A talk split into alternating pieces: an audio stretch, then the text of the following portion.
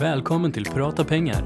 Podden där vi pratar aktier, fonder, sparande, pension och mycket mer. Här kommer Unga Aktiesparares VD Filip Koltze och investeraren Niklas Andersson.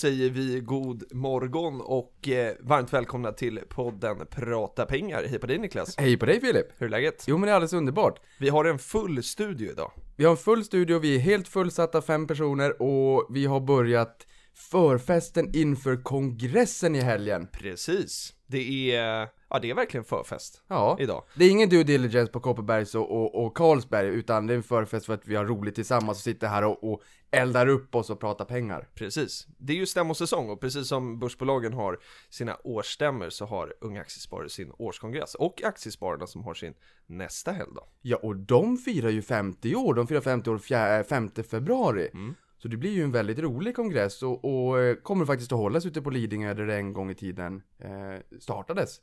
Ja, det är så till och med. Ja. Det visste jag faktiskt inte. Mm. Blott är min okunskap. Eh, Med oss i studion så har vi som vanligt eh, Patrik Boström också, som är vår klippa till klippare. Vi har också praktikant Oskar som, som sitter med, som, som praktiserade hos oss i, i somras och nu ansvarar för vår satsning på, på skolföreningar. Eh, Vi är ute och, och försöker få gymnasieskolor att, att eh, haka på UA-trenden och starta upp, inte som lokalavdelningar, men, men grupper i alla fall som är unga aktiesparare, som gillar att prata aktier. Och det här är ett medskick också. Här går du på en gymnasieskola och är nyfiken på här, in och prata med läraren och, och kontakta oss. Eller hur, hur beter man sig då? Vem kontaktar man då? Ja men man kan kontakta oss, eh, alltså unga aktiesparare och våra kontaktuppgifter finns på hemsidan såklart och så kommer vi skicka vidare det här till, till Oskar och sen har vi ju Ung Privatekonomi där också som, Mm. som alltid finns tillgängliga för intressanta föreläsningar. Men sen har vi ju också en, en tredje gäst, eller en andra gäst då som är Therese Lundstedt, Aktieinvest, VD. Varmt välkommen till podden! Tack så mycket. Hur är läget med dig? Ja, men det är fint. Det är fint. Som du säger, det är ju högsäsong om man jobbar i Aktiesparkoncernen. Två kongresser på, på två veckor. Mm. Och du ska också med i helgen. Jag ska med i helgen. Du är vår, kommer, ja, det är, du är vår, du kommer vara vår eminenta sekreterare i år. Mm, bara hedersuppdrag. Mm. Spännande. Vem är Therese Lundstedt för de som inte känner dig? Jag är som sagt vd för Aktieinvest som Mm. är en nätmäklare. Eh, vi har aktie och fondhandel. Vi har massa kunder. Vi ägs av Aktiespararna. Eh, förutom det så eh, kommer jag som Niklas från Norrland. Så att jag är en väldigt stabil och lugn person brukar jag själv hävda. Eh, alla håller inte med. Vi Eh, sitter ju faktiskt i mötesrummet Norrland. Ja, vi gör ju det. Också. Ja. Det känns, vi är hemma, det känns bra. Eh, nej, men jag har jobbat i branschen i 11 år. Eh, vi kommer kanske in på det. Jag har jobbat inom unga aktiesparare. Mm. Eh, jobbat på SCB, jag har jobbat på Redeye. Eh, blivit mer och mer inställd på IT-utveckling och digital försäljning som jag älskar tillsammans med börs och aktier. Mm. Eh, så att det är väl lite min bakgrund, eh, digitalt och finans. Spännande. Mm. Vi kommer komma mer in på det. Eh, första punkten i, i eh, podden, och varmt välkommen såklart. Eh, första punkten brukar vara att prata igenom veckan som har gått. Hur har din vecka varit Niklas? Som alltid väldigt intressant. Först vill jag bara säga väldigt kul att, att sitta här med Therese idag också för att jag... Ja, du har en lite speciell eh, relation till Therese. Ja, Det här känns spännande. Ja, nej, en gång i tiden när jag bodde uppe i, i Norrbotten, i Norrland, så fanns ju inte Unga Aktiesparare i Boden, det fanns Aktiespararen där, men jag tror Unga Aktiesparare fanns i Luleå. Men någonstans 2007, nu hörde jag här var januari 2008, så flög jag ner, tog mitt pick och pack och flög ner till utbildningar och där stod Therese Lundstedt, Lundstedt och Günther Mårder och pratade om aktier som aldrig förr. Och någon, någonstans känner jag att jag är en liten avknoppning av Tessans energi. För att hon fick mig att ta steget att flytta ner till Stockholm och gav mig den inspirationen. Och här sitter vi nu åtta år senare och har med Tessan i det här avsnittet och det, det blir lite speciellt. Och ja, du har båda fötterna på jorden, men lugnt. Nej, det finns ingen lugn över dig Therese. Det, du är full av energi och det är full fart framåt och det är det jag gillar med dig. Så kul, riktigt, riktigt kul att ha dig här. Veckan som gått. Eh, vi ska väl börja med att säga att Joel Örn har skickat två böcker till oss. Ja, Eh, Han sa att tack för inspirationen i podden, jag tycker den är bra. Superkul. Jag har faktiskt inte hunnit svara honom, så bra att vi gör det här nu. Ja, och jag kommer också skicka mail, det har varit väldigt mycket, men jag ska också skicka ett mail och Mm. tacka honom. Men vi gör det här. Ja, han skickade Framgångsbibeln, en bok, Mm. och sen skickade han nästa, Så en krona, skörda tio. Mm. Eh, och den där appellerar lite grann för mig, ränta på ränta effekten. Någon sitter i skuggan idag för att man planterar träd för länge, länge sedan. De här två böckerna, de följer med till Afrika som jag åker till snart. Ska jag läsa dem och sen återkoppla. Stort tack för det Joel. Verkligen. Igår var jag på aktieträff med Nibe och Beskab. Mm. Två intressanta bolag. Eh, där kan också nämnas att Beskabs VD Annette Frumeri jättegärna vill vara med på den här podden. Eller det var väl jag som jättegärna vill ha med henne, men nu vill hon också det. Men vi Eh, har många gäster i, i kommande poddar. ja, och vi Ja. kanske någon ska, ska säga vilka vi har i pipen så vi kan ta in frågor också. Ja men det skulle, ja, ska vi göra det eller ska vi hålla, ja men säg vilka vi har i pipen då.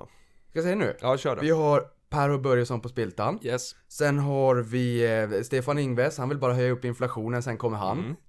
Sen har vi eh, Annette Frumeri. Sen har vi också en kille som håller på med e-sport som vill komma och prata lite grann. Mm. Sen har vi Kristina Engelen som sitter som eh, ordförande för Aktiespararna i Västerås. Och hon driver den här gruppen eh, Tjejer Tjejer, som gillar aktier. Mm. Med tusentals medlemmar bland tjejer. Och det där är extra roligt. För ibland så kliar vi våra grå hur vi ska få Mm. in fler tjejer. Så där också. Kul att ha med henne i pipen. Mm. Jag har ett eh, par namn till. Ja. Eh, jag, vet att Günther Mårder är nog jätteintresserad av att, att komma hit också. Nu har inte, kör inte han sparpodden längre och får inte prata så mycket aktier, så jag tänkte vi skulle ta hit honom så att han får Prata av sig. Ja, prata av sig lite grann. Så det, det kommer också komma. Sen, sen har ju du och jag Niklas lovat att, eh, att vi skulle ta upp Fingerprint lite mer och titta på det någon gång. Och då kände jag så här, men det vore, nu har vi inte frågat, men det vore ju faktiskt kul att bjuda in Jörgen Lanto. Ja, det kan vi göra. Ja, Sen, om, sen förhoppningsvis så, så kan han väl komma också, för det här är ju en aktie som berör väldigt många. jag menar det. Ehm, det är en bra idé. Mm, jag tycker tycker vi tar med oss den idén. Ja, Mm. det gör vi. Bra. Eh, några små korta bara. Jag undrar om ni har fått vårkänsla där ute, solen börjar komma fram. Jag såg att GB Glass, de säger halva priset på, på glass. Och då säger jag att eh, GB Glass har Happy Hour, de ägs ju av Unilever. Mm. Ehm, bolag, eller Unilever kanske man säger. Men i alla fall, solen börjar komma fram. Där, GB Glass halva priset. Köp aktien Unilever om ni är intresserade av det. Luleå-Frölunda kan ingenting om sport. Men jag, jag, jag noterade en grej. det kan jag. Ja, nu blir det så här, nu blir det väldigt Det känsligt. intressant. Alla som gillar sport där ute. Mm. Det var någonting som jag såg och reflekterade över när min hjärna försöker, vart kan jag koppla det här till ekonomi för att sport är inte så jätteintressant? Jo, vem var det som vann? Kommer ni ihåg? Frölunda. Mm. Vet ni varför? Därför att Luleå sponsras av SSAB och Frölunda sponsras av börsfähiga Serneke, stod det på tröjorna. Och SSAB har inte gått bra, Serneke är lite mera kanske håsat inför IPOn som komma skall. Yes. Så jag såg att det fanns en korrelation mellan resultatet i matchen och vilket bolag som sponsrade på matchtröjan. Eh, sist men inte... Serneke är byggbolag va? Ja, Mm. sist men inte minst, jag sa förra gången att Mm. isländska börsen är öppet på helgen. Och jag insåg själv när jag lyssnade på det, vad, vad säger han? Det där stämmer ju inte. Men det är ju jag som säger det! Israel skulle det vara. Israel. Och sist men inte minst, Ja. börsen upp 1,4% i veckan fram till idag torsdag, fredag. Fredag, Fredag är det morgon. idag när vi spelar in. Ja. Ja, och vi fick precis också en, en push här om att eh, Stefan Persson hade fyllt på H&M igen med ytterligare en miljard. Det är kul Ja. när man fyller på med en miljard. Ja, han skalade ju upp lite grann. Mm. 0,55 procentenheter skalade han upp. Det var 911 miljoner, vilket ökade aktieinnehavet till 590 miljoner och värdet ungefär till 170 Mm. miljarder. Nu på morgonen kom det en flash, precis som du sa, att han ökade upp kanske drygt en miljard igen då. Mm. Eh, ja, helt makalöst. Det är att sitta i båten. Det är att sitta i båten.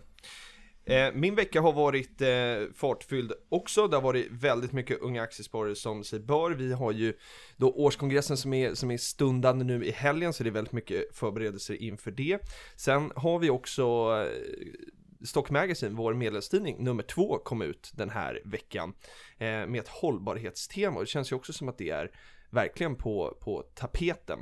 Eh, så att eh, alla ni som är medlemmar får hem den tidningen, har fått under veckan eller får under eh, den här veckan eller lyssnar på det. Och ni som eh, öppnar den tidningen kommer du också se att vi har en ny medlemsförmån och det är lite extra eh, pirrigt, spännande, kul att berätta det här inför eh, Aktieinvest och Avanza då som du får representera Niklas. För det är så Nu här, gick pulsen upp. för det är nämligen så att våra vänner Nordnet som är samarbetspartners, det är Aktieinvest och Avanza också. Eh, Men Nordnet har eh, bestämt sig för att de vill att unga aktiesparare ska handla aktier ytterligare lite billigare. Eh, Så är man medlem i Unga Aktiesparare och är kund på Nordnet eller vill bli kund på Nordnet så kommer man handla för minimikortaget en krona som är sen, sen, sen tidigare och det är det på Avanza också. Men sen har man ett rörligt kortage på 0,10% istället för 0,25. Så där finns det pengar att spara. Hmm. Jag fick ingen replik på det, men då har vi sagt det i alla fall. Och det tycker jag är super, super kul. Ja det här är ju väldigt roligt att vi har, du är VD för Unga Aktiesparare men Mm. du är en nördnettare, jag är Avansian och här har vi Aktieinvest, nördnet med, med glimten i ögat. Ni är duktiga. Eh, och där vill jag också säga att Avanza faktiskt släppte en aktiefiltrerare. Mm. Nu, för nu En, känner... en sån här stockscreener då som jag pratade om innan. Ja, Är det det, är det det du pratar om? Jajamän. Okej. Mm. Så där är tid är pengar. Och det här gör ju att man kan filtrera aktier betydligt snabbare, vilket jag tänkte först att, ja men då, då hinner jag liksom titta på ännu fler bolag. Och sen insåg jag efter en stund att nja, istället för att vara uppe till ett, halv två på nätterna och leta bolag kanske man ska allokera den tidsvinsten till, till eh, sängen. Kanske. Ja, kanske. Ja, Jag tror att du behöver sova lite Niklas. ja visst. Ja, du En är kul, vi släppte en helt ny betatjänst Ja. på våran tjänst. Så, Nu kommer aktier. så, kommer så, det igång. så att det är kul att ni är här killar, men, men eh, Men och då, och då frågar vi dig Therese, hur har din vecka varit? Ja, precis. Ja. Mm. Bra fråga. Nej, men det har varit fantastiskt. Eh, mina veckor är alltid, eh, alltid galna. Man tänker att planeringen kommer hålla och så spricker någonstans måndag runt 10 på förmiddagen. Eh, och sen så är det på den vägen. Men det är en fantastisk vecka. Eh, vårt utvecklingsteam är liksom snabbare än någonsin. Kul. Det är superkul. Så att vi släpper faktiskt på inloggning med BankID till vår nya betatjänst. Alltså Mm. nya versionen av Aktieinvest på nätet. Kommer alla åt den? Alla kunder kommer åt den. Absolut. Eh, superkul. Och jag har liksom ytterligare en nyhet nästa vecka. Oh. Så att det händer grejer. Eh, så att jag har haft en jättekul vecka med mycket, mycket IT och mycket allt annat. Och styrelsemöten och kongresser och. Men du kan inte droppa den här nyheten. Vi spelar in idag fredag och det kommer ut på måndag. Du Det kan är bara- inte droppa den här. Det är bara vi och 15 000 andra som Ja, kommer höra det är inga konstigheter. Nej, men så här är det nämligen. Vi kommer nämligen släppa ett helt, eh, helt nytt, men ett, ett kul sätt att, att handla aktier. Eh, som är mycket mer likt e-handel. Okej. En klassisk aktiehandel. Vilket vi tycker är kul och vi tycker att alla eh, människor som handlar aktier eller bör handla aktier kanske inte är aktienördar. Nej. Som håller på med det här och tycker det är superskoj, har gjort sedan de var 10 bast. Utan kanske faktiskt bara vill ha det enkelt och smidigt. Och då tror jag att det är fler som handlar mat på nätet som borde handla aktier på nätet. Därför försöker vi likna likna e-handeln mer. Det. Mm. det tror vi är roligt. Det tycker vi är roligt och tror är bra. Eh, så det har vi släppt på också, att man kan handla andelsorder så. Spännande. Jag Och- tänker spontant så här, Tessans sparkasse istället för Linas Ah. Ja, matkasse. precis. Bra, nu, kommer, nu skjuter vi idéer här. Ja, är det kan, det kan bli en galen mix. Det kan bli verkligen. Vad bra, men och, och, jag tycker vi ska stanna upp lite vid, eh, vid Aktieinvest. Mm. Eh, för nu, jag har ju min historia hos Nordnet och, och Niklas har både historia och är på Avanza. Eh, och jag tror många av våra lyssnare liksom känner till de bolagen Mm. ganska väl. Men vad är Aktieinvest då? Är det en konkurrent till de här bolagen? Jo men det är det ju Mm. om man tittar rent på sådär, vilka bolag finns det? Eh, om man tittar på sparmarknaden så har vi ju storbankerna Mm. eh, där du kan spara dina sparpengar och du kan spara dina sparpengar hos, hos nätmäklarna. Mm. Och där är ju vi absolut en av nätmäklarna. Eh, vi kom ju för 51 år sedan startade Aktieinvest. Så vi var liksom först. 96 fanns vi online, Mm. vilket är helt galet. Eh, var Oskar född då? Ja. Nej, precis. Jag, förstår väl det. Nej men du förstår ju, det är jättelänge sedan. Ingen var ju på online då. Det gick inte att googla 96 liksom. Det fanns Nej. ingenting att googla på. Eh, sen har vi liksom Men levt... 96 kunde jag säga, det var- och fem, så inte 51 år sedan. Nej, för ett år sedan fanns inte internet. Nej. Nej. Nej, det var det. det Då var, var det vi inte online. Jag vet inte om jag hörde fel bara. Nej Nej, men då vet jag. 96. Så öppnade sajten och då kunde man ju säga vad som helst på den här sajten också. Det fanns ju inga regleringar i marknadsföring och sådär heller. Så det är ganska kul att titta tillbaka på de här tillbakabilderna på hur Aktieinvest såg ut då, vad man marknadsförde och sådär. Så vi är gamla gamet faktiskt. Eh, så att vi ägs av Aktiespararna är ju en kul dimension. Att det inte är något börsbolag Nej. eh, som kräver liksom vinst i alla lägen. Nej. Vilket gör att vi har ju lite restriktioner på vilka produkter har vi eh, och så vidare. Vi får inte liksom, vi ska absolut inte lura några kunder. Det säger inte att Avanza Nord gör heller, men vi har lite tydligare krav på att det ska vara schysst. Ett sunt sparande ska vi erbjuda. Eh, man ska kunna bli rik på, på lång och bra sikt genom att kunna vara regelbunden och allt som är de här kloka sätten att investera. Lite aktiespararnas gyllene regel. Ja, precis, Ja. alltså i bolagsform. Just det. Sen är ju vi som en liten bank som alla andra. Eh, Vi har inte banktillstånd, men vi har Nej. ett av Sveriges största värdepappersbolag som är liksom nivån under kan man ju säga för att förenkla det. Eh, Så vi har ju all IT-utveckling hos oss. Vi har ja, mäkleri, vi har kundservice, backoffice, emittent, enhet. Eh, Och som sagt, kunder handlar aktier och fonder hos oss så det står härliga till. Genom att ringa till oss eller lägga order på nätet. Just det. Så att vi är, eh, är absolut en nätmäklare eh, och som sagt har funnits väldigt länge och har en hel del kunder faktiskt. Och, och en, en grej som, eh, som jag vet ju verkligen sticker ut från Avans och Nordnet är att ni har någonting som heter andelsorder. Och det är ju väldigt spännande och jag tror inte alla, alla våra lyssnare vet vad det, vad det innebär. Kan vi dra det lite kort? Ja men det kan vi. Och det är egentligen, det var därför vi startade en gång i tiden. Ja. Att i USA handlar man väldigt mycket andelar av aktier eller fraktionshandel av aktier. Att det var ett sätt att komma åt. Framförallt då så var det att man var tvungen att handla stora poster av aktier, vilket var väldigt dyrt. Månadens kurs var väldigt hög. Man var tvungen att handla minst 100 stycken för att genomföra ett köp. Så var du tvungen att spara på dig pengar och sen kunna köpa aktier för dem. Och då fick du en trög rörlighet och alla hade inte råd med aktier och så vidare. Eh, och då vill man ju motverka det här genom att då handla delar av aktier istället. Eh, och aktiespararna gillar ju den här idén såklart. Aktier är till för alla, inte bara för de redan rika. Eh, och därför har man då andelsorder eh, som gör att du kan dela, köpa delar av aktier. Så om du säger att du idag månadssparar 500 kronor i en fond så kan du istället spara 500 kronor i fem olika aktier. Och då behöver du inte fundera så mycket på vad H&M står i idag om du köper H&M. Utan du kan bestämma att jag vill att varje månad så går 100 kronor in i Hennes Mauritz och så får jag en del av den aktien. Eh, vilket gör att du kan få en god riskspridning eh, i varje köp och du kan köpa på dig mer och mer hela tiden. Och det gör också att vi kan faktiskt återinvestera utdelningen direkt i bolagen också. Mm. Du kan köpa delar av dem eh, utan något courtage. Okej. Så att mycket av vår affärsmodell bygger på det här handelsorder. Sen har vi vanlig aktiehandel också. Men just det här att vi möjliggör det här ännu enklare. Att kunna vara lite regelbunden, att ha, spara med små belopp. Sen är det många som lägger jättestora order inom handelsorder också som gör det här varje månad och, har sitt sparande så att man struntar liksom lite grann i kursen och tajmingen. Utan mer tror på den långsiktiga kraften i börsen istället för att sätta köpa på, på botten. Ja, och det är det vi trummar i, i, podden här väldigt mycket också. Mm. Och, och det som är både aktiespararnas men också unga aktiesparares liksom, gyllene regler med att spara liksom regelbundet och, eh, och långsiktigt. Och då får man göra det. Och jag gillar den här idén med, med andelsorder just för att då behöver man det. För, för mig är det ju så att när, när mitt månadssparande kommer in i, i portföljen så måste jag ju titta då sådär, okej, vilken aktie ska jag köpa den här månaden? Eller två kanske, eh, för att det inte ska bli liksom för, för högt courtage. Eh, och då är ju den där idén liksom väldigt intressant. Då, då behöver man egentligen aldrig fundera på det, utan då sprider man beloppet på alla innehav varje månad istället. Ja, och så står det ett courtage också på en hel sån order. Just det. Så har du 20 bolag så är det ett courtage fortfarande. Och du brukar ju säga att jag är så gammal Filip, eh, vilket jag tycker är lite jobbigt faktiskt. Eh, I och med att du brukar lägga på en här 15 år när du, när du drar det här. Till Eh, historien ska vi säga att jag och Therese är ute på en turné, Ja. så vi har ju börjat gnabbas lite också. Ja precis, det är Ja. lite som att vi är gifta. Eh, och då fick jag höra att jag var 42 häromdagen. Mm. Jag såg ut som 42 tror jag. Med, med, med glimten i ögat. Ja, verkligen. Ja.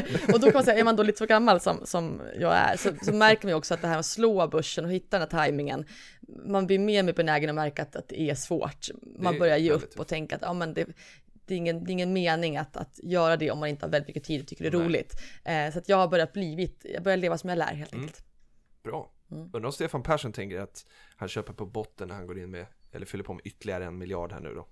Ja, det är ett starkt signalvärde. Mm. Men sen just det här med de olika aktörerna på marknaden också. Det jag tycker är väldigt roligt är att jag känner många människor både på Avanza och Mm. på Nordnet och på Aktieinvest och på Aktiespararna. Och det som glädjer mig och gör att jag får en bra magkänsla att det finns väldigt många fina, duktiga människor som verkligen brinner för sparande i alla de här bolagen. Vilket gör att det verkligen kommer svenska sparare till del. Exakt. Vi har väl med. högst marknadspenetration i, Mm. I världen när det kommer till direktägande i aktier. Och nu är det ju inte bara aktier vi pratar om utan fonder och andra olika typer av instrument också. Mm. Men svenskarna ska verkligen de ska inte vara, inte tacksamma, men, men de har tur att vi har så många människor som brinner för det här i de olika organisationerna som spiller över på svenska folket. Ja, och det blir ju att man, man blir tvingad att hålla lite fart. Och det är ju det, precis som du säger, som kommer privatspararna till, till gagn. För hade det bara funnits en nätmäklare så hade ju de förmodligen blivit lite mer fat cats och inte behövt liksom ha samma speed. Nu är ju de här nätmäklarna och, och, och liksom blåser varandra i nacken hela tiden. Ehm, så jag, jag tycker bara att det är kul och det är precis som du säger, det är lite, jag är ju, vi pratade sport innan, jag är ju djurgårdare och, och jag brukar jämföra lite med att när, om jag träffar en AIK eller Hammarbyare så inser jag att de är av samma skrot och korn som jag, det är bara att vi har lite olika färger. Ehm, och det är precis samma sak här. Ja men det är som att vi joggar i joggingspåret, vi peppar varandra och vi håller ihop och sen så om den ena spurt, spurtar lite grann så vi Ja. förbenat, jag måste spurta ikapp. Och det gör ju att vi blir snabbare som lag också, man är inte Ja. starkare än den svagaste länken och det kommer som sagt spararna till del. Verkligen. Ja, Klokt sagt. klokt sagt. Men Therese, eh, eh, Unga Aktiesparare då? Ja. Du har ju haft min roll tidigare, Ja. som VD för Unga Aktiesparare. Ka- ka- berätta lite om, om din resa i, hos oss. Men Unga Aktiesparare var ju en fantastisk tid eh, för mig som för många andra. Eh, jag blev anställd på Unga Aktiesparare 2006 eh, och fick ta på mig, fick då två eh, små projekt i knät som hade med skolinformation att göra.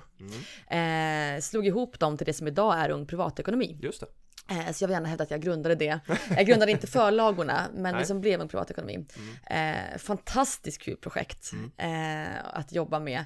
Eh, Fick ju chansen då att rapportera till Erik Thedéen i styrelsen, Just det. till Lars-Erik Forsgård, Kerstin Hermansson som är vd för Fondhandlareföreningen. Och är kvar än idag. I Aktiefrämjandet Ja. då. Ja. Och Erik. Thedéen är Finansinspektionen där då. Precis. Ja, precis. Generaldirektör där. Vi hade också Pia Nilsson som var vd inom Fondbolagsföreningen i många år. Jack Junel som är en av de första aktiemäklarna i Sverige. Ja, så det var ett härligt gäng att, att som första styrelse att rapportera till inom Ung Privatekonomi. Man lärde sig en del om formalia kan man säga. Eh, Så att, superkul. Och sen hann jag faktiskt bara göra ett och ett halvt år knappt där.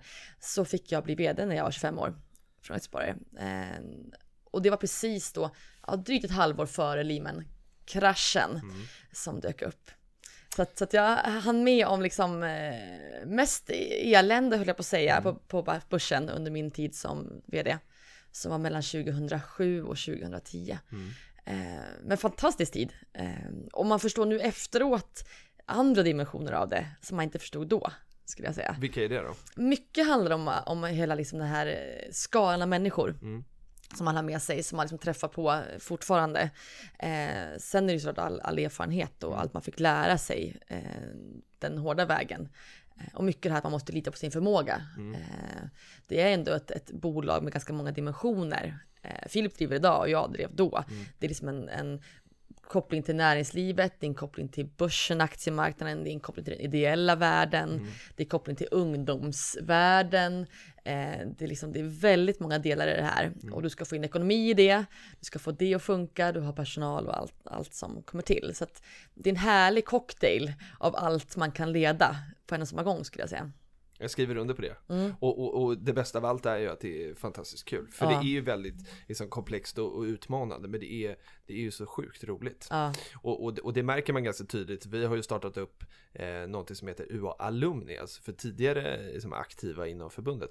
Och, där, den gruppen är ju väldigt stor och, och, och det känns som att liksom, har man varit aktiv i UA så då är man liksom kvar. Eh, och det nätverket finns kvar. Och tittar vi på det nätverket idag så är, ju, är det väldigt många namnkunniga personer om man tycker det liksom, är ett bevis på någonting.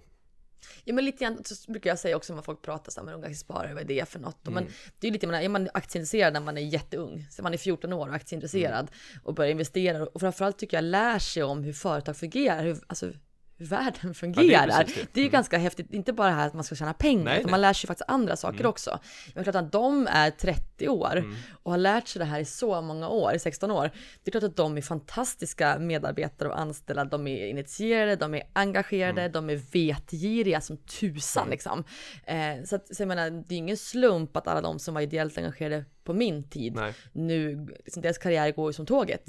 Eh, och också ganska ödmjuka för att man lär sig att man inte är världsbäst själv, utan Nej. det finns många som är duktiga där ute. Så att jag tycker att det är, ja, det är inte så konstigt, men det är väldigt, väldigt kul att se och följa. Och jag väntar fortfarande på att snart få bli anställd av någon av, av de som jag rekryterade in som medlem en gång i tiden. Ah, spännande. Nej men, men Ja. där måste jag också säga, det är ju otroligt imponerande att bli VD för Unga Aktiesparare i 25 års ålder med Therese är eh, inte lika gammal som du sa Filip, men hon är äldre än mig och du är yngre än mig och ni sitter båda och, och innehar VD-roller. Och någonstans här emellan vill jag bara skicka med att jag är faktiskt VD över min egen ekonomi. Ja, bra. inte, inte illa faktiskt. Det är kanske det viktigaste liksom, direktörskapet. Och den omsätter ju faktiskt en hel del. Ja, det får man ändå. säga. Mm. Ja, måste vi säga. Men, men ändå otroligt inspirerande och intressant att se att ni har, har axlat de här rollerna och, och precis som ni säger börja intressera sig i tid. Eh, och en grej till jag tänker på det är när vi är ute och träffar bolag på bolagsträffar. Så är det väldigt ofta man hör, och ibland träffar vi finanschefen och ibland vd och ibland eh, någon på IR-sidan som är ansvarig för investerarrelationer. Och inte sällan så har de ett ursprung i Unga Aktiesparare. Och det är ganska imponerande. Det är det. Att man har liksom en historik Absolut. i förbundet. Och det tyder ju på att vi också föder är någon form av plantskola för de som tar sig vidare i näringslivet sen. Precis som du sa här Tessan. Så det är ju ett medskick. Intressera er att gå med i Unga Aktiesparare för det är ett bra nätverk. Inte bara under tiden fram till man är 29, nu är jag för gammal. Utan under hela ens yrkesverksamma liv, för det är ett bra Precis. nätverk. Ja, det är det jag tjatar om jämt. Det är utbildningen och, och nätverk. Man får kunskapen och, och så får man det här nätverket. Det är bara att kolla in hos oss. Jag menar, min, min närmsta, närmsta man, vår vice vd och, och ekonomichef och riskchef, Micke Näslund, är ju gammal Ung Aktiesparare, regionchef för, för Nord en gång i tiden, eh, vilket är superkul. Eh, så, att, så jag vill gärna se många Unga Aktiesparare runt omkring mig när jag, i min organisation när jag anställer. Och vilka anställer ni till er organisationer? För jag, vi tror ju att, att det finns väldigt många unga som, som lyssnar på den här podden. Eh, och jag träffade ett Börsrum här i veckan från min gamla skola Jönköping. Och, eh, och jag kände igen mig väldigt mycket i deras frågor. För de pratade väldigt mycket karriär. Hur kommer man in? Man, man sitter där utanför och är superintresserad. Men man har inte fått det här första steget in i branschen. Och då är ju Aktieinvest såklart ett liksom, alternativ. Vilka, vilka söker ni och vilka hoppas ni söker till er? Men alltså, det, är inte, det är inte hjärnfysik att Nej. rekrytera, Nej. liksom, faktiskt. Utan det handlar väldigt mycket om att hitta bra människor. Mm. Det handlar alltid om bra människor. Eh, och, och det handlar om att, att man är intresserad, att man är engagerad, att man brinner för saker. Det här är min, min åsikt när jag rekryterar Mm. såklart. Eh, men jag söker människor som har ett driv i sig. Eh, och sen kan det, man får inte alltid kunna allt. Men om man inte har ett driv i sig, då är man svår att lära sig saker Mm. och, och eh, att hugga tag i nya utmaningar och allt det här liksom. Sen är det ganska så luddiga saker. Men, men det handlar väldigt mycket om att det ska, man ska passa in i organisationen också. Eh, tyvärr tycker jag man ser lite för ofta att de som är aktieintresserade tror, söker fortfarande liksom jobb som inte riktigt finns och som man Nej. inte kan få som nyexaminerad. Vad menar, tänker du på då? Ja, men som aktiemäklare Mm. ska alla fortfarande bli, det är ytterst få mäklare där ute kvar. Mm. Eh, Det är få bolag som handlar i egen bok fortfarande. Vi har ett mäklarbord för att vi hanterar det här andelsorder. Det. Mm. Måste köpa på oss, så det är ganska kul att vi har fortfarande kvar några, men, men det finns inte så många. Fond, alltså förvaltare finns väldigt få. Mm. Analytiker, där händer det också ganska mycket konsolidering Mm. av att man slår ihop analysavdelningar, lägger ner. Eh, så att så att mycket av de här jobben man kanske trodde, det är lite så här Wall Street, Wolf of Wall Street, eh, liksom, eh, fel marknadsföring, Ja. det finns kvar liksom Ja. fortfarande. Eh, så jag, och jag tror att man måste också komma in och lära sig saker. Mm. Bara för att man är, som har handlat aktier och allt det här, det, det är så himla mycket annat idag i branschen som man behöver lära sig och förstå. Och, så jag tror snarare, är man intresserad av det här, då ska du in i ett bolag som jobbar med saker du är intresserad av Mm. och komma in och lära dig. Eh, vi har just anställt en, en väldigt ung kille på en risk riskansvar hos oss, vilket är ett typiskt framtidsyrke i branschen till exempel. Mm. Verkligen. Gillar man både att räkna siffror och liksom branschen och allt, så, sådana ställen kommer det komma nya jobb liksom. Och sen kommer man ju, och då jobbar man ju med affärsutveckling. Mm. Man har kollat på min ledningsgrupp, en, Greta är chef för backoffice, Lotta är chef för mäkleriet, Mm. Tommy är IT-chef, men vi sitter ju alla och diskuterar vår affärsutveckling. Mm. Och det är kanske det man egentligen vill komma åt. Så att, så att man kan, det finns ju också jobb runt om i branschen som gör att man får jobba Exakt. Mm. med aktiehandel faktiskt. Så, att, så tänk lite bredare, var väldigt ödmjuka, Mm. eh, men lyft gärna fram ert aktieintresse och samhällsintresse när ni söker jobb. Mm. Eh, det är lite för få sådana som söker jobb åt mig, vilket jag letar jättemycket efter, såklart. Mm. Och, och just Aktieinvest, har ni någon sån här lediga jobbsida om man, om man nu känner att här skulle jag vilja söka eller hör man av sig till dig eller hur? Ja men det har vi Mm. ju, aktieinvest.se slash jobb. Sen får jag en del spontanansökningar. Och det är Från en del aktiesparare faktiskt. Det är lite kul. kul. Ja, eh, och jag älskar folk som, som hör av sig och är hungriga Mm. och vet vilka vi är. Och, och det är superroligt. Och grejen är ju också att jag har ju små idéer i huvudet hela tiden. Mm. Jag har ju ungefär 2500 Ja. idéer som jag ska göra vilken sekund som helst. Ja. Eh, och ibland så ploppar det upp en idé som matchar ett sånt CV. Och pang bom så har vi en telemarketingavdelning Mm. Igång, som vi har nu till exempel. Så, att, så att det är inte fel att, att knacka på och höra av sig. Och Nej. eh, ibland har man av sig rätt tillfälle innan annons går ut och då kan man lösa det enkelt. Exakt. Bra. Men har ni någon sån där att man, man som praktikant får komma och titta och, och hälsa på Aktieinvest om man är ung och hugad? Ehm, eller har ni någon, någon, att man sätter upp en dag och bjuder in skolor, eller kanske inte skolor men, men lite ungdomar som är nyfikna och får se Aktieinvest på, från insidan. Går det att göra något sånt? Eller blir det känsligt när man befinner sig på det går att göra sånt. Alltså det är samma där. Min bakgrund gör också att jag tycker det är oerhört kul med unga människor som intresserade av aktier. Eh, jag vill hävda att jag fortfarande är en sån. Eh, så att, att jag tycker att det är väldigt kul. Eh, så att självklart, jag tycker det är jätteroligt. Jag lägger jättegärna tid på att inspirera och engagera. Eh, det kommer jag alltid göra. Det är liksom det är det jag brinner för. Så att jag tar gärna emot besök. Eh, vi hade ville aktier här på studiebesök för ett tag sedan. Vi hade ett börsrum. Eh, men absolut, eh, hör av er. Sy ihop. Är ni ett gäng så hör av er så och kom hälsa på. Ja men det där är verkligen, det där är ju fantastiskt. För hade jag gått tillbaka till 16-17 år eller kanske någonstans gymnasiet. ehm, 18-19 någonting och känt att ja men jag får komma till, till Aktieinvest och kolla hur det faktiskt är. Och få upp det. Man har redan sått kanske fröet att man är intresserad av ekonomi och aktier och finans. Eh, Men faktiskt få komma och se det från insidan. Det hade varit något som jag hade uppskattat väldigt mycket. Så att det, det, ta tillfället i akt här när det bjuds in. Och det är ju ingen slump att jag har koll på Niklas i alla år, som flög från Boden till min stora utbildning. Eh, alltså engagerade människor som brinner för något och sti- de sticker ut, de kommer man ihåg. De håller man koll på resten av karriären, så är det bara. Det är ju så. Och för att utsätta sig för, för Det det. värmer i hjärtat. Men för att utsätta sig liksom för det nätverket, liksom hamna om man då är uppe från Boden och, eh, och inte liksom träffar de här personerna dagligdags så är ju Unga Aktiesparare en, en väldigt liksom bra plattform. Och vi fick en fråga och det blir dagens första från Sten Sjöberg som skrev på Twitter. Hejsan, har just gått med i Unga Aktiesparare och har en fråga till Prata Pengar. Hur kan man engagera sig och involvera sig mer i UA? Och Niklas, du är ju regionchef för vår region Öst. Och det här är ju en fråga som du gillar. Jag vet att du svarade på Twitter, men jag tänker att det finns nog fler där ute som tänker precis samma sak. Vad ska man göra? Mm. Och jag gillar verkligen, man skriver det på Twitter också, att man, man hashtaggar in Prata Pengar och säger Ja. att man har blivit medlem i Unga Aktiesparare, för, för det värmer gott även det. Ja. Eh, och är det så att man tycker att det här med Unga Aktiesparare är lite intressant, man är nyfiken, man vill lära sig mer, man vill gå med i det här nätverket och, och eh, gå med i Unga Aktiesparare, skriv gärna i sociala medier till oss att du har gått med så vi verkligt varmt får välkomna dig. Och sen kan man titta i, på vår hemsida eh, vilka som är regionchefer, vart i, det, i det, Sveriges avlånga land du då bor och vem som är regionchef för den regionen. Hör av dig och säg att du är nyfiken, intresserad och engagerar dig mer. För då kommer den personen att kolla runt med de olika lokalavdelningarna och se vart det finns behov. Och behov av nytt fräscht blod kommer alltid, alltid. att behövas. Ja.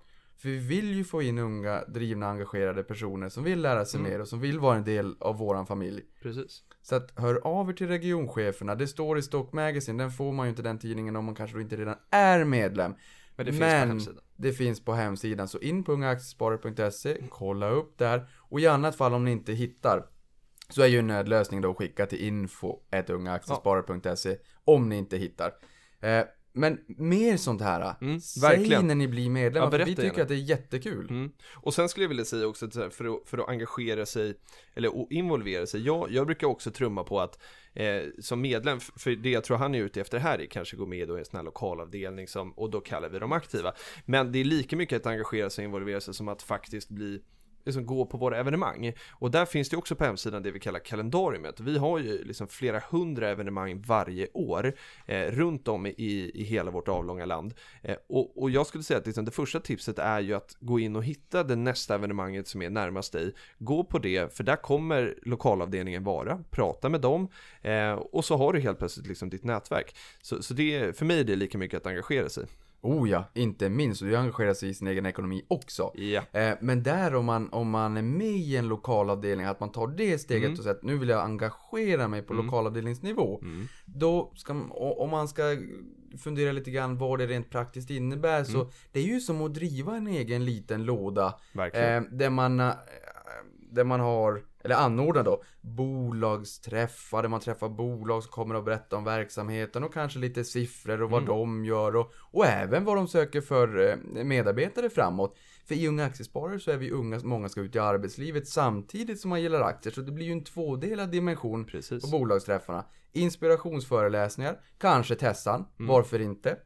Sen har vi ju Utbildning. utbildning. Vi har kanske en afterbörs där man träffas under lediga former och pratar och, och så om man, ibland kan det vara med en öl, ibland inte, det beror ju på ålder då såklart. Eh, ibland åker vi iväg utomlands utanför rikets gränser. Det kanske Och så du och jag lärde känna varandra. Jajamän. Vi var i USA tillsammans. Och nu påminde du mig om en grej. Tessan sa tidigare här att när hon var VD för, eller blev VD för Unga Aktiesparare så var det en väldigt turbulent tid. Kommer du ihåg att vi var på Credit Suisse och träffade den här tjejen som skickade ut Jajamän. pressmeddelanden om Lehmans kollaps? Yes. För då jobbade hon på IR-sidan på Lehman. Precis. Så det, ja, mm, Det var hon som skapade Tessans tuffaste tid kanske. ja. Världen är liten. Ja, verkligen. Men lite så, det är Mm. otroligt kul att vara med i en sån här lokalavdelning och väldigt utbildande, man lär sig mycket. Mm, Så, det att- det. så att det, det rekommenderar vi. Hoppas du fick svar på det, Sten. Eh, vi går in på fråga nummer två som är från Jakob Lindén. Och han säger, köp det du fattar. Det är ju någonting som vi trummar på väldigt ofta. Han säger, det låter bra, men hur göra i praktiken? Förstår knappt verkstad cykliskt, men vill ta del av eventuella uppgångar. Vad göra? Och då tittar jag på dig, Therese. Köp vad du förstår. Vad betyder det för dig? Nej men det betyder för mig att, att man inte ska krångla till det bara för att det har med aktier att göra. Det behöver inte vara avancerade affärsidéer som blir morgondagens bästa aktieköp. Eh, som man kanske lätt tror. Man ska hitta nästa nya teknikgrej är det viktigaste. Det kan vara lika bra att gå in i ett bolag som, som är stabilt och finns och ger tillväxt idag. Eh, än att hitta nästa stora grej. Det är inte alltid de här klippen som är grejen, även om det kan vara kul. Eh, sen tycker jag att ibland krånglar man till för man tänker att man kan ingenting om just det bolaget gör. Men tänker man lite bredare och tänker på vilken, vad säljer de? Vad, vilket vardagsproblem löser kanske den här produkten? Eller vart finns det någonstans? Eller ehm, då kanske man kommer lite djupare. Som han pratar om verkstad till exempel. Ja. Eh, det, det är ju sällan så att, att prylarna i sig de tillverkar det man Vi- Vilka fatta. bolag är verkstad då, om vi ska, eller vilken bransch är verkstad? Det kanske inte är helt självklart. Men där har vi ju som väldigt fina alltså bolag som har varit nedtryckta. Mm. Eh, vi har ju Atlas Copco, vi har Alfa Laval, vi har Sandvik, vi har eh, vad har vi mer för roliga bolag som vi bör nämna? Ja men det, Lite fin verkstad som Assa Abloy Ja, och, och Lite eh, Hexagon nischat, och liksom. Nibe Ja. och Beijer Alma och mm. Men det finns ju en typen. del sånt. Och tänker man då att, men, som Sandvik har till exempel en fantastisk utställning på sitt huvudkontor. Har ni varit där? nej. Nej. Eh, under huvudkontoret så har de en lång gång där man kan gå och titta på allt som liksom är tillverkat från vad de har gjort. Okej. Och då ser man liksom gitarrsträngar, grejer man använder för ögonoperationer, eh, pro- sån här, eh, vad heter det, titanhöftdelar, ja men du vet. Och börjar man fatta där liksom att okej, vänta, det här fattar jag ju. Jag fattar ju att folk opererar ögonen, jag fattar att folk spelar gitarr och så vidare. Och då blir det inte så svårt med verkstad längre. Nej. Utan då kan man fundera på vad, vad blir det här liksom. Och det är också där man ska fundera på, tycker jag, vilket verkstadsbolag. För att där ofta kan ju de skilja sig ganska mycket. Vad levererar de mot? Som Atlas som har varit tunga mot, mot gruvsektorn, vad, vad ser det ut? Då påverkas ju de av, av den sektorn också. Att man helt enkelt drar det som ett steg längre. Eh, så så att, tänk inte alltid på exakt vad de tillverkar, utan Nej. tänk på vart det används. Vem köper det? Vi ska, vi, jag och Niklas träffades också på eh, Atlas Copco för lite drygt ett år sedan när vi var i gruvan, har vi nog sagt förut. Och, och, och där så fick jag precis samma känsla som du säger om, om Sandvik. Då, då fick vi åka ner i gruvan i, i, i Sickla där de har sitt eh, huvudkontor och visa de här olika liksom, produkterna som blir liksom, slutmodellen. Eh, och, och jag var lite inne som du tror jag att, att det var väldigt mycket gruva, men de hade en väldigt diversifierad portfölj. och klättra mycket på maskinerna som var Klättrar där nere också. på maskinerna. Ja. Eh, Mm, och det, där, det, det är väldigt intressant att visualisera på så här sätt vad slutprodukten är för det är enklare att ta till sig. Ehm, och det där tror jag är bra för att ni som sitter där ute och lyssnar på det här och, och tror att alla förutom ni har stenkoll på vad bolagen gör så är det inte riktigt. Nej. Däremot så är det så att i Sverige så, så skulle jag vilja säga att det är världsklass när det kommer till redovisning. Det är otroligt bra och välskrivna årsredovisningar. Mm. Även om varje VD inte skriver VD-orden själv. Men de är ändå väldigt bra. Testa gå in på en amerikansk ehm, eh, I en amerikansk årsredovisning. Skriv Starbucks Investor Relations och kommer in på sidan. Eller skriv bolaget och sen Investor Relations bak. Gå in på sidan. Tryck på årsredovisningen så är det två jättefina sidor med grafik. Typ Activision Blizzard, världens största spelbolag. Jätteroligt, två fina sidor, mycket om spelen och sådär. De eh, återstående 99% eller 50 sidorna är bara text i, i storlek 8 där de friskriver sig på Mm.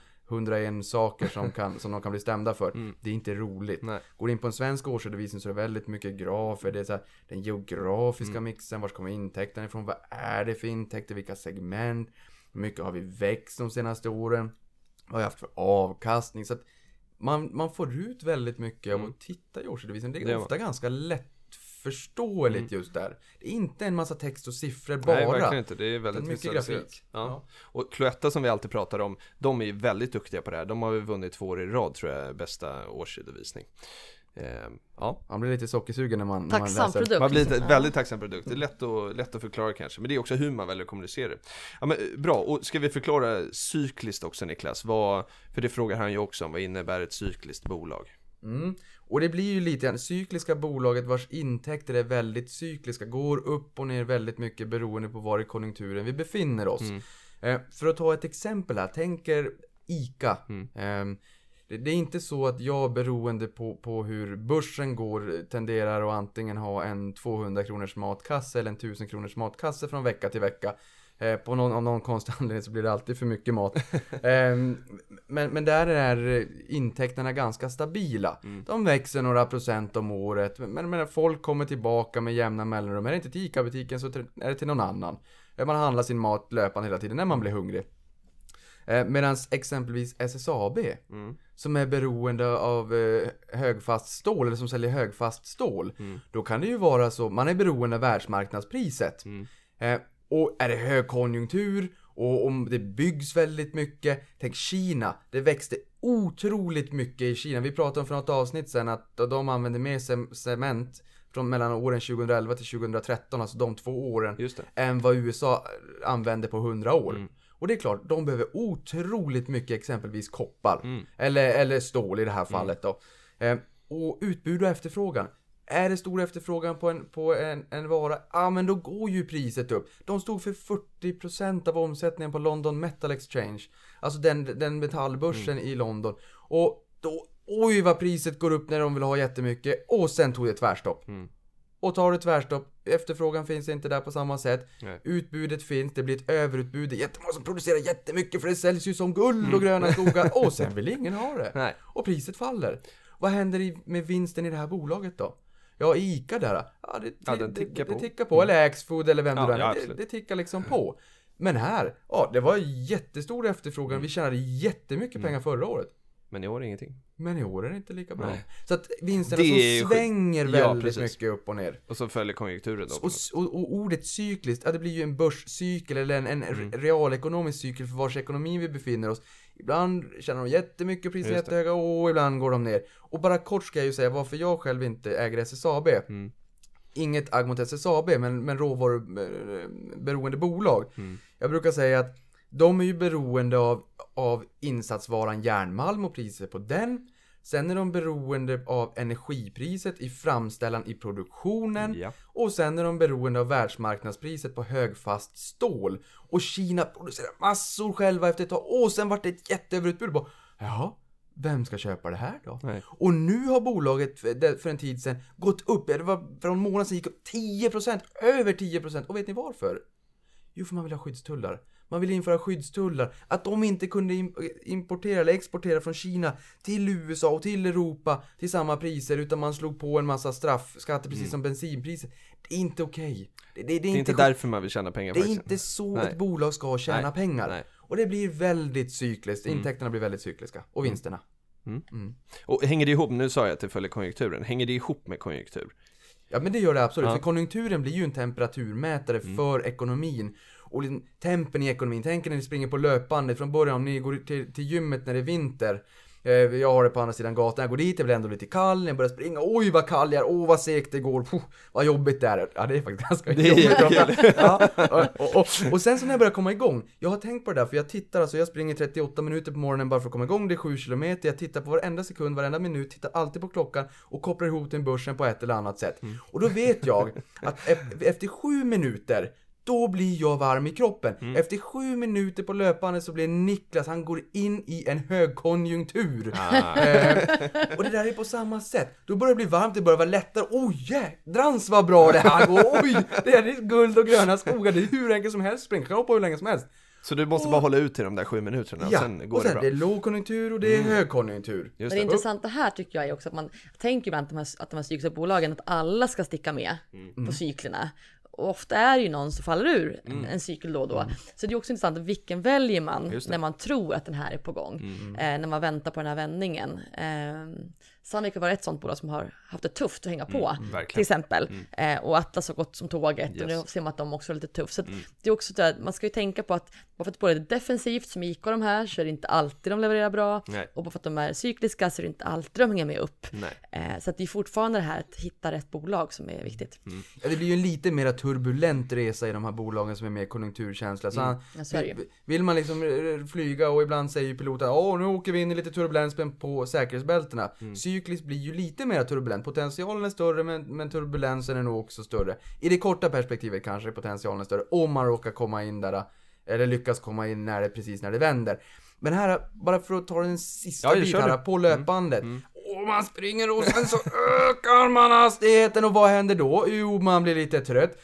Oh, kanske man hoppar en stund, oh, nu vart det för mycket. Oh, det är precis där när konjunkturen är på väg och ekonomin är på väg att överhettas. Då går centralbanken in och Stefan Ingves och säger nej, hörru du, nu måste vi strama åt. Vi höjer räntorna. Och då blir det lite jobbigt. Och hoppar man av stund och oh, nu vart det bra igen, jag dricker lite vatten. Och sen är vi inne igen och ska driva högkonjunktur. Men det, och så går det upp och ner, upp och Bra ner. ner. liknelse, bra liknelse. Men och, och vi ska, den här, den här frågan skulle vi kunna viga ett helt avsnitt till, men, men jag tycker Therese, det som du säger att liksom krångla inte till det eh, för mycket, man, vad man förstår och vad som är intressant är också väldigt mycket personligt. Så att liksom gå till dig själv och, och fundera över det och lita liksom på den magkänslan. Eh, sen känns det också som att eh, han är lite inne här på att eh, vill ta del av uppgångar. Så att det liksom, det finns, jag tolkar en rädsla av att missa någonting om man inte köper det man inte förstår. Men jag tycker inte man behöver vara så orolig för det. Utan liksom håll dig till, till det som, som du känner dig trygg med och som du tror på. Eh, så, så har du goda förutsättningar för att det kommer bli liksom väldigt bra. Eh, ja Niklas, ja det är bra. Vi fick, en, den. vi fick en till fråga här tidigare om eh, Mm. börsutvecklingen kontra BNP-utvecklingen. Mm. Och Jonas Olavi som är, eh, han fortfarande allokeringschef på Alfred Alfred, Berg. Berg, Mm. kom från Nordea tidigare Också med i eh, vår senaste tidning här. och väldigt duktig Mm. måste jag säga. En av de Twitterprofilerna där ute i Twitterdjupet som är väldigt Väldigt duktig. kunnig. Mm. Eh, han la ut en graf där han skrev Faller börsen när BNP sjunker? Nej, det verkar faktiskt spela mindre roll än vad man kan tro. Mm. Eh, och vi kanske kan tweeta ut eller retweeta den här på Twitter under hashtag prata pengar så att man kan se den här. Mm. Eh, för den visar ganska tydligt att nej, det är inte alltid så att börsen går eh, parhäst med, med BNP-utvecklingen, snarare tvärtom. Och börsen är ju ofta framåtblickande. Mm. Så när BNP Ligger vi- före den ligger alltså före, vad brukar man säga, 12, 6 till 12 månader, sånt, ja. nå- Mm. någonting sånt där. Ehm, för att här handlar det ju om precis på samma sätt som man köper en lägenhet. Om man tror att lägenhetens pris kommer stiga 10% nästa vecka, men då köper man ju idag. Äger man en lägenhet och tror att priset ska falla 10% nästa vecka, ja men då säljer man ju idag. Om man är övertygad om sin sak. Mm. Därför är börsen också framåtblickande, för ingen vill ju missa uppgången.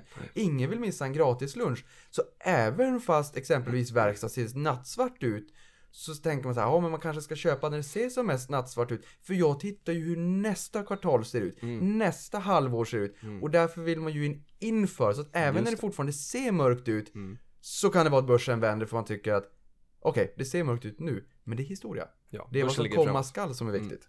Och det är det man brukar prata om att saker och ting är inprisat, också ett sånt där hopplöst uttryck. Eh, men det är precis det det betyder. Eh, Therese, jag vet inte om du har lyssnat på den tidigare, men vi kommer snart komma in på Niklas nyhetssvep och där han kommer upp i samma liksom, speed och tempo som när han berättar om det här rullbandet. Det är superkul. Eh, jag ska bara svara på, på den sista frågan som vi fick från Faras eh, Safayan, ursäkta uttalet om det var eh, stökigt där. Eh, han undrar så här, enkel svar teori på varför inte eh, Faras då har fått inbjudan till bolagsstämma i, i ett aktie som man, eller bolag som man äger aktier i. Eh, och då undrar han om man har ett för litet innehav. Och jag ska bara svara kort på den. Niklas svarade också eh, honom på Twitter. Eh, och det är ju så att eh, bolagen brukar ju faktiskt gå ut i, i eh, inrikestidningar och på webben och så här och lägga ut sin kallelse. Så alla är ju välkomna. Äger man en aktie så är man precis lika välkommen på bolagsstämman som, som vem som helst annat. Och eh, så det är det det beror på. Men vi pratade lite faktiskt här om innan vi satte igång att det finns ju faktiskt vissa bolag som, som aktivt skickar ut den här kallelsen också till sina aktieägare. Eh, och då kom vi tillbaka till, till Cloetta för att jag vet att jag fick ett sånt brev i alla fall. Hade vi något till exempel? Jag har för mig att när jag var inne i min eh, råvaru, ja, råvarutessan ja. var på eh, börsen där för några år sedan, då att Lundinföretagen också körde ofta fysisk inbjudan. Eh, petroleum, mining, mm. eh, Black Pearl, Eh, jag vet inte om de fortfarande gör det. Jag har lämnat jag den nu. Ja. ja. Men, och det är ju väldigt trevligt. Mm. Men vi vill ju också pusha för att, att gå på en bolagsstämma. Det är väldigt liksom, intressant. Det blir någon gratis lunch kanske, eller lite middag eller någon kaka. Nu har man ju visserligen betalat för aktien. Eh, men det är ganska intressant också det här som du var inne på eh, tidigare Therese, med formalia. Det är ju enormt mycket formalia. Eh, och, och det kan vara lite liksom torrt och grått och tråkigt. Men det är väldigt lärorikt faktiskt att förstå en, en, en dagordning och stadgar och sådana här saker. Och hur snacket går. Så gå och se hur det är. Ja men det är en, det är en, en riktigt bra utbildning mm. hur det faktiskt funkar. Jag menar, där sitter du som lyssnare på den här årsstämman och där har man närings, näringslivets mm. maktelit som sitter där framme och pratar. Det är väldigt intressant. Mm. Det blir ju historiskt på något sätt att, att, få vara med om en sån här händelse. De kommer ju varje år i och för sig oh, förvisso. Men det är ändå väldigt intressant. Mm. Och det man kan se där också är att um, Ja, vad var det jag skulle säga nu? Eh, nej, nu tappade jag faktiskt. Jag tycker det är intressant också, därför du ser ju också någonstans eh, ägarspridningen. Mm. Du ser de stora institutionerna som du kanske inte tänker så mycket nej. på när du är mindre aktieägare, som faktiskt är där och hur de röstar för mm. sina, sina röster faktiskt. Mm. Eh, det kan också vara intressant att se hur de ofta grupperar sig eller mm. hur de agerar. Mm. Och troligtvis när du går på de här stämmorna så kommer du också stöta på Aktiespararna Som har sin bolagsbevakning och ute och mm. för spararnas, eh, liksom för fram spararnas frågor i alla fall. Nu kom jag på vad det var. Mm. Alltså, lika väl som att idén bara försvann jättesnabbt mm. så kom, så kom tillbaka, tillbaka jättesnabbt som en börsrobot. Mm. Och det, det, är ju att eh, oftast så brukar ju stämmorna hållas på dagtid vilket är lite synd för eh, om man då jobbar och slutar lite senare på dagen så kanske man inte har möjlighet att gå. Nej. Men jag har märkt att fler och fler bo, eller så kanske man inte ska säga fler och fler, men en del i alla fall håller det på eftermiddagen kanske 15 eller 16, ibland 17. Ja, jag ska på Nordnets nästa vecka som är 18.30. Det är en väldigt aktieägarvänlig tid. Jaha, Tessan och Aktieinvest och Niklas Hansson, nu fick de det sagt. Min ägare har sin årskongress på en helg. Ja, just det. Ja. Bra. Ja, jag skäms. Nu eh, går vi in på Niklas nyhetssvep tycker jag. Eh, ja, take it away. Ja men vad roligt, vad bra. Det har varit en otroligt eh, spännande vecka faktiskt den här veckan. Det säger vi varje vecka, men, men den här veckan har faktiskt varit väldigt spännande. Det började i början på veckan med Kinnevik som sålde 3,8% av aktierna i Lazada, som är ett innehav de har, till Alibaba. Och Alibaba noterades ju, det är ju ett eh, kinesiskt bolag som noterades på den amerikanska börsen. Eh, de sålde de där 3,8% av aktierna för två gånger bok. Man, tittar alltså på det bokförda värdet per bokslutsdagen för årsredovisningen 2015. För det här är ett onoterat innehav, man får uppskatta värdet på bolaget och det gjorde man. Men här, bara några månader senare så säljer man det alltså dubbelt så dyrt som vad man sa för några månader sedan att det var värt. Och där var det många som var ute och pratade, bland annat Nordea som pekade på dolda övervärden i de onoterade tillgångarna som inte speglas i kursen. För Kinnevik har varit ett bolag som, som har den har stått lite och trampat den senaste tiden. Eh, och där vill jag bara lägga till också att Kinnevik har levererat 16% i totalavkastning de senaste 30 åren. Sen var det ju ett, ett skogsbolag, skogs, skog och eh, papper. Tror att det var. Från början som sen vart det här mediala med, med TV3 kom, man gjorde reklam i, i, i TV. Inte, det fick man inte göra i Sverige men då körde man via satellit så sände de från, jag tror att det var Storbritannien. Så de var lite re- revolutionerande på sin tid. Och nu går de ju över mot online. Mm. Eh, jag såg Avito som är Blocket-kopian i Ryssland. Där har de gjort en exit, alltså en försäljning. De sålde det till s- 16 gånger vad de investerade i. Och det är inte många år sedan de investerade i det här. Nej. Så 16 gånger mer fick de betalt några år senare. Eh, dagen efter så kom ju fastighetsbolaget Castellum som vi har varit in lite grann på. Och för de har ju aviserat sitt intresse för att förvärva Norrporten. Mm. Som är ett fastighetsbolag eh, baserat i Norrland. Och de hade ju också tänkt komma in på börsen. Det var en ganska stor notering på börsen. Men nu avbryts den. Därför att Castellum nu slutgiltigt har sagt att vi köper Norrporten. För ungefär 13 miljarder exklusive utdelning, 14 miljarder om man räknar med utdelningen. Och där får man faktiskt exponering mot världens äldsta galleria, Shopping i Luleå. Spännande. Så det är lite Här intressant. undrar jag ju om, om Castellum nu då går om Balder i börsvärde. De går om dem, ja, i alla, i alla fall så går de om dem när det kommer till värde på På fastigheterna. beståndet. På beståndet. Börs, börsvärdet vet vi kanske inte. Eh, men eh, Balder är fortfarande ett fint bolag, det ska du veta Erik Selin. Det tycker jag. H&M's ordförande Stefan Persson skalade upp positionen sa vi tidigare. Mm. Nu har vi redan sagt den här. Men skala upp med 0,55 procentenheter, vilket vart 911 miljoner då. Och nu har nästan en miljard. Nu har, har han då 590 miljoner aktier som efter transaktionen är värd 170 miljarder. Det kom upp en flash när vi satt här att han gjorde en sån här transaktion en gång till. Så han ska hålla upp ytterligare idag, fredag då den 15 april när vi spelar in det här. Eh, marknaden för litiumjonbatterier spås växa från 6 miljarder dollar 2014 till 26,1 miljarder dollar 2023. Det är alltså en tillväxt på 17,8% per år. Och det här litium är ju en, en råvara som gynnas av trenden mot elbilar. Sen var det en följare på Twitter som sa att ja men det kommer en ny teknik nu här som kanske slår ut litium. Så kan det ju vara. Men, men eh, dessförinnan så är det ju verkligen eh, en råvara som har strukturell tillväxt i och med att efterfrågan stiger vart, vart efter. Eh, Indien sa vi ju ska förbjuda elbilar efter 2030, eh, bensinbilar efter 2030.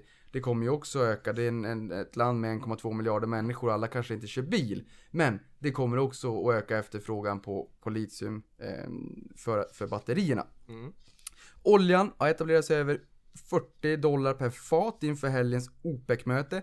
Och OPEC står för de som inte vet Oil Producing Exporting Countries och är en laglig kartell inom citationstecken. Där man kommer överens om om man ska öka eller minska utbudet för att höja eller minska oljepriset. Eh, fascinerande. Det kommer även, har även kommit rykten om att Ryssland och Saudiarabien har kommit överens om att stryka, stryka har jag faktiskt skrivit, men eh, strypa utbudet. Eh, vilket har fått upp priset lite grann, inte bara nu inför OPEC-mötet utan även det då. Inwido, som är Europas största leverantör av fönster och dörrar, avser förvärva konkurrenten Värmelux Oj! Och där säger de att det är betydande synergier. Jag tycker det är kul när AB i Finland heter Oj, för om man kommer med en dålig rapport så är det Oj, oj, det var oj, oj. Eh, Spiltan, som Therese har ett, ett förflutet i, har handlats via Alternativa, investerar i Train Alliance Sweden. Nytt bolag, in och läs där om ni är nyfikna.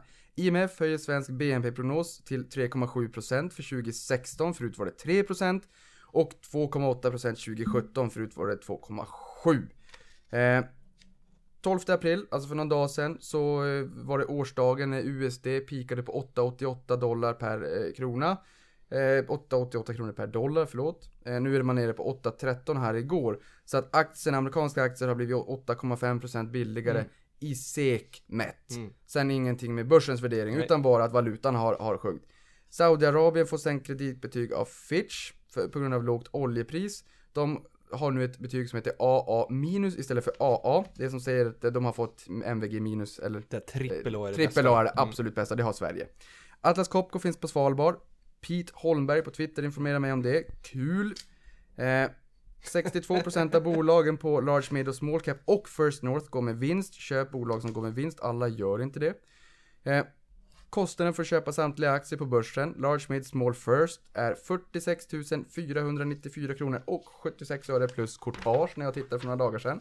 Det är Eh. Kul eh, kuriosa. Mm. Japanska myndigheter ska prova på ett nytt betalsätt i sommar. Turister betalar och legitimerar sig via fingeravtryck. Mhm. Biometri. En tr- nisch som, eller branschsektor som har varit glödhet och fortsatt är. Netflix kunder värderar eget content, alltså det innehåll de gör själv, typ House of Cards, högre när man skriver sådana här stjärnor eller betyg då, än inköpt material. Det är lite spännande. De bygger skyddsvallar, intressant reflektion att, att man höjer upp det lite högre. Och då är det ju skyddsvallar som är eh, positiva då, och som vi som aktieägare tycker är väldigt bra. Det ska vara svårare att slå sig in och konkurrera och dra undan mattan för affärsmodellen. De skapar det här själv, det är svårt för någon annan att replikera rakt av. Eh, Apple har sålt 896, 896 miljoner iPhones sedan 2007, når snart miljardvallen. Och sist men inte minst såg jag igår att Heba är ett fastighetsbolag. Och nu bjuder de in till Hebalaxen. Tycker jag är ett kul initiativ. Det är ett fastighetsbolag som inbjuder in till en fisketävling i Stockholmström den 24 april. Och det är pris till de tre personerna som får de tre tyngsta laxarna. Häftigt. Det Tack. var allt för mig. Tack för nyhetssvepet Niklas, det var eh, riktigt matnyttigt idag. Ja. Bra. Anmälan till tävlingen senast 18 april. Ja. och, och då ska vi börja runda av, men Therese, jag har en sista fråga till dig. Du har ju varit ett år på, på Aktievest, lite drygt va? Yes. Eh, och när vi, då säger jag när och inte om, och när vi bjuder in dig igen om ett år, för jag och Niklas ska ju hålla på med det här i 40 år, så att eh, en gång per år är du varmt välkommen minst. Vad har hänt med Aktieinvest då? Vad kommer du berätta om då? Nej men Aktieinvest är inne på en fantastiskt kul, eh, kul resa som man alltid säger, men det är faktiskt det. Vi, vi har ju fått ett uppdrag att göra om Aktieinvest. Vi har varit osynliga i väldigt många år. Vi ska upp på banan, vi ska hitta en ny position. Vi tror att det finns jättemånga kunder som, som vill ha ett alternativ till sina vanliga mäklare, kanske med det här andelsorder, handla delar av amerikanska och svenska bolag på ett bra sätt till sig själv och sina barn. Vi tror också att vissa kanske inte vill ha jätteavancerade eh, screeningtjänster och grafer och nyckeltalssorterare åt höger och vänster som Avanza är väldigt duktiga på att ta fram. Vi tror att många vill ha en väldigt enkel avskalad spartjänst men Ja. inte vill vara hos de gamla mossiga storbankerna. Intressant. De är välkomna till oss. Så det positionerar oss för nu. Vi kommer att lansera en helt ny varumärkesprofil, ny logga, allting, helt ny beta-sajt med nya sätt att handla aktier på. Inlogg med BankID är öppet den här veckan, eh, släpper på andelsorder nästa vecka. Eh, vi ändrar allt och det är superkul och jag har världens bästa kollegor. Så att det här kommer gå som tåget. Eh, Så om ett år, då är jättemycket på plats. Kul! Och då har också börsen hunnit bottna och tagit fart. Eh, vi har ingen negativ ränta längre så att alla bolag tjänar pengar på räntenettot igen och alla är glada.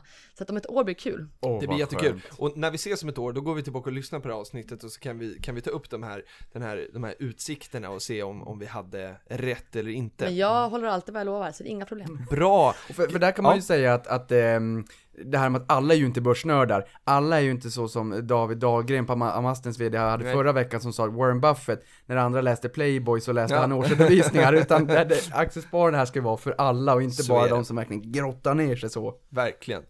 Superkul, tack för idag Therese, jätteroligt att du var här. Vi kommer ses hela helgen på årskongressen i Örebro där vi är. Eh, samma med dig Niklas och samma med dig Oskar som har suttit med här idag. Patrik också, vi eh, har en grym helg framför oss.